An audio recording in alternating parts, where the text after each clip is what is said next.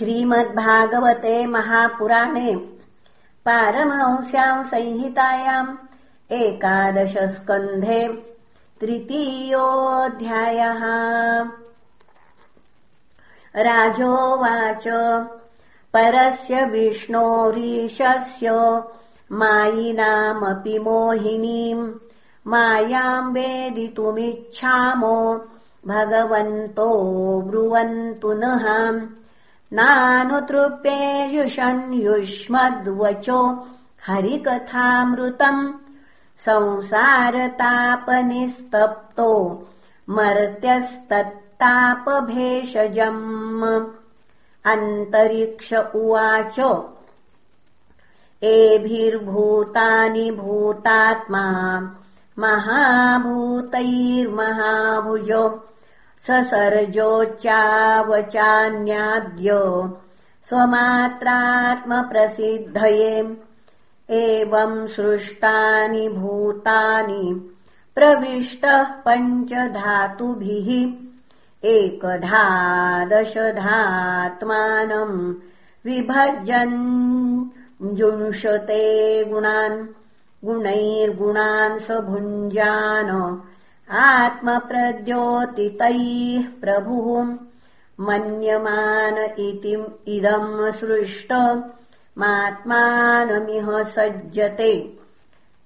पुनः मन्यमान इदम् सृष्टमात्मानमिह सज्जते।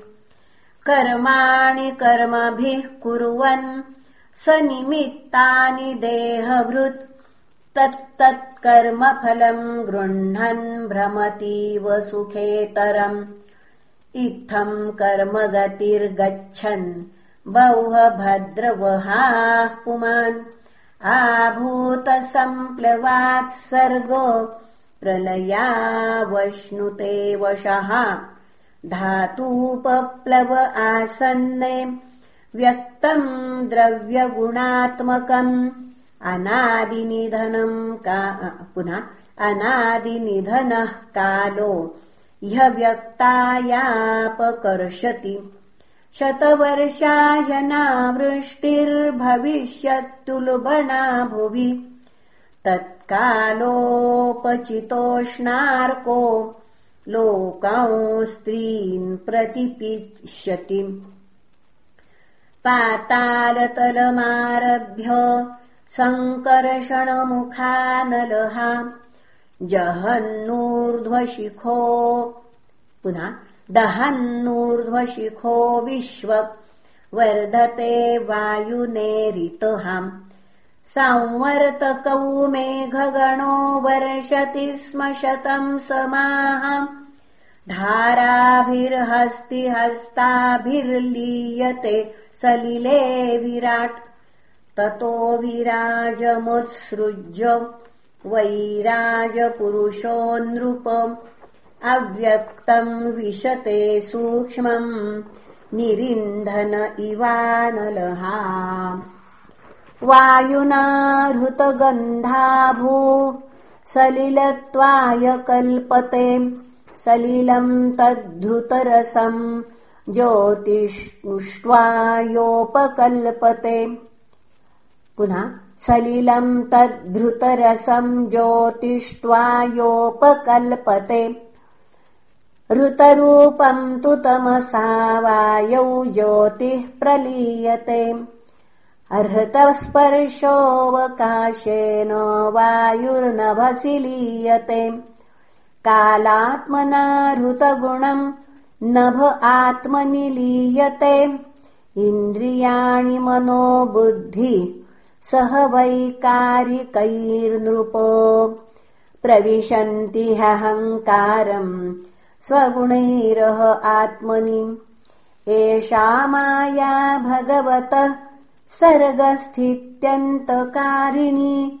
त्रिवर्णावर्णितास्माभिः किम् भूय श्रोतुमिच्छसि राजोवाच यथैतामैश्वरीम् मायाम् दुस्तरामकृतात्मभिः तरन्त्यञ्जस्थूलधियो महर्ष इदमुच्यताम्।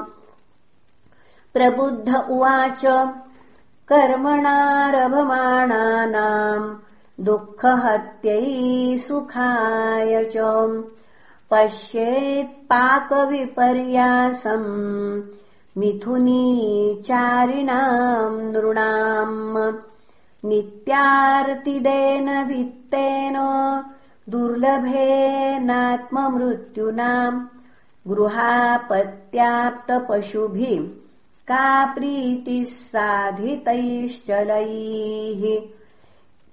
एवम् लोकम् परम् विद्यान्नश्वरम् कर्म निर्मितम् सतुल्यातिशयद्भंसम् यथा मण्डलवर्तिनाम् तस्माद्गुरुम् प्रपद्येत जिज्ञासुश्रेय उत्तमम्। शाब्दे परे च निष्णातम्। ब्रह्मण्युपशमाश्रयम् तत्र भागवतान् धर्मान् शिक्षेद्गुर्वात्मदैवतहाम् अमाययानुवृत्त्यायैस्तुष्येदात्मात्मदो हरिः सर्वतो मनसो सङ्ग मादौ सङ्गम् च साधुषो। दयाम् मैत्रीम् प्रश्रयम् च भूतेष्वद्धा शौचम् तपस्तितिक्षाञ्च मौनम् स्वाध्यायमार्जवम्। ब्रह्मचर्यमहिंसा च समत्वम् द्वन्द्वसंज्ञयोः। सर्वत्रात्मेश्वरान्वीक्षाम् कैवल्यमनिकेतताम् विविक्तचीरवसनम् सन्तोषम् येन केनचित्। श्रद्धाम् भागवते शास्त्रे निन्दामन्यत्र चापि हि मनोवाक्कर्मदण्डम् च सत्यम् शमदमावपि। श्रवणम् कीर्तनम् ध्यानम् हरेरद्भुतकर्मणः जन्मकर्मगुणानाम् च तदर्थेऽखिलचेष्टितम् इष्टम् दत्तम् तपो जप्तम् वृत्तम् यच्चात्मनः प्रियम्। दारान् सुतान् गृहान् प्राणान् यत्परस्मै निवेदनम्। एवम् कृष्णात्मनाथेषु मनुष्येषु च सौहृदम् परिचर्याम् चोभयत्र। महत्सु नृषु साधुषु। परस्परानुकथनम् पावनम् भगवद्यशः। मिथोरतिर्मिथस्तुष्टिर्निर्वृत्तिर्मिथ आत्मनः। स्मरन्तः स्मारयन्तश्च मिथोघौघहरम् हरिम्। भक्त्या सञ्जातया भक्त्या बिभ्रत्युत्पुलकाम् तनुम्। क्वचित्रुदन्त्यच्युतचिन्तया क्वचिद्धसन्ति नन्दन्ति वदन्त्यलौकिकाः नृत्यन्ति गायन्त्यनुशीलयन्त्यजम् भवन्ति तूष्णीम् परमेत्यनिवृताः। इति भागवतान् धर्मान् शिक्षन् भक्त्या यदुन्थयाम्। नारायणपरो मायामज्जस्तरति दुस्तराम्। राजोवाच नारायणाभिधानस्य ब्रह्मणः परमात्मनः निष्ठामर्हथ नो वक्तुम्। यूयम् हि ब्रह्मवित्तमाः। पिप्पलायन उवाच स्थित्युद्भवः प्रलयहेतुरहेतुरस्य।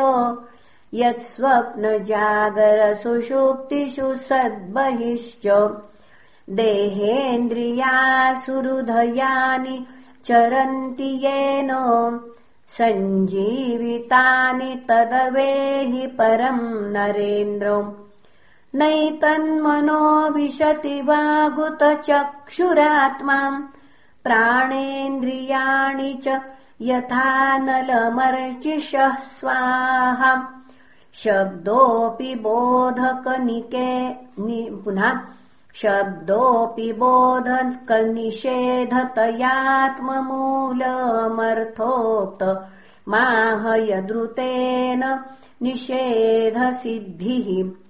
सत्त्वम् रजस्तम इति त्रुत्रिवृदेकमादौ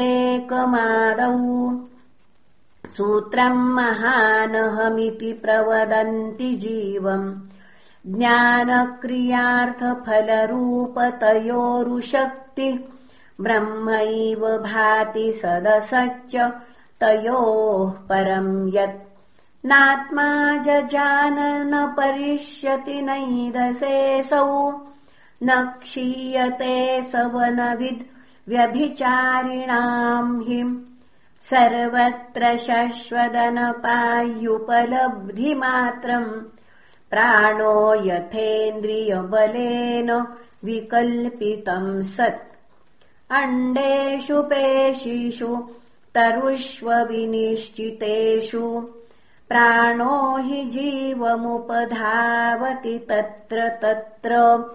सन्ने यदिन्द्रियगणेऽहमि च प्रसुप्ते कूटस्थ आशयमृते तदनुस्मृतिर्नः यर्ह्यब्जनाभचरणैषणयोरुभक्त्या चेतोमलानि विधमेद्गुणकर्मजानि।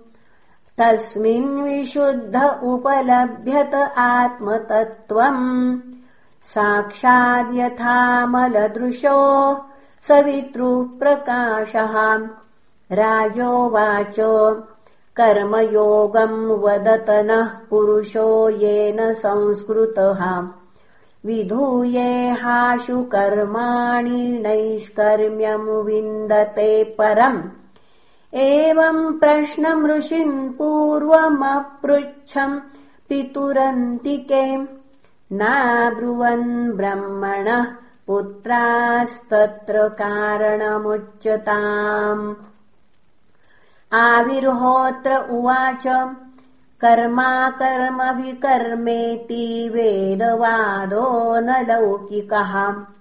वेदस्य चेश्वरात्मत्वात् तत्र मुह्यन्ति सूरयः। परोक्षवादो वेदोऽयम् बालानाम् मनुशासनम्। कर्ममोक्षाय कर्माणि विधत्ते ह्यगदम् यथा नाचरेद्यस्तु वेदोक्तम् स्वयमज्ञो जितेन्द्रियः विकर्मणा ह्यधर्मेण मृत्योर्मृत्युमुपैति सः। वेदोक्तमेव कुर्वाणो निःसङ्गोऽर्पितमीश्वरे नैष्कर्म्याम् लभते सिद्धिम् रोचनार्था फलश्रुतिः य आशुहृदयग्रन्थिम् निर्जिहीर्षुः परात्मनः।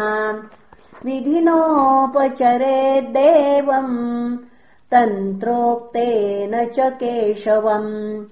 लब्धानुग्रह आचार्यात् तेन सन्दर्शितागमः महापुरुषमभ्यर्चेन्मूर्त्याभिमतयात्मनः शुचिः सम्मुखमासीन प्राणसंयमनादिभिः। पिण्डम् विशोध्य सन्न्यासकृतरक्षोर्चयेद्धरिम्। अर्चादौ हृदये चापि यथा लब्धोपचारकैः द्रव्यक्षित्यात्मलिङ्गानि निष्पाद्य प्रोक्ष चासनम् पाद्यादीनुपकल्प्याथ सन्निधाप्यसमाहितः हृदादिभिः कृतन्यासो मूलमन्त्रेण चार्चयेत् साङ्गोपाङ्गाम् स्वपार्षदाम् ताम् ताम् मूर्तिम् स्वमन्त्रतः पाद्यार्ध्याचमनीयाद्यैः स्नानवासो विभूषणैः गन्धमाल्याक्षतस्त्रग्भिर्धूपदीपोपहारकैः साङ्गम् सम्पूज्य विधिवत्स्तवैः स्तुत्वा न मेद्धरिम् आत्मानम् तन्मयम् ध्यायन्। मूर्तिम् सम्पूजयेद्धरेः शेषामाधाय शिरसि स्वधाम्न्युद्वास्य सत्कृतम् एवमग्न्यर्कतयो यादावतिथौ हृदये च यः यदतीश्वरमात्मानमचिरान्मुच्यते हि सः इति श्रीमद्भागवते महापुराणे पारमहंस्याम् संहितायाम् एकादशस्कन्धे तृतीयोऽध्यायः। श्रीकृष्णार्पणमस्तु हरये नमः हरये नमः हरये नमः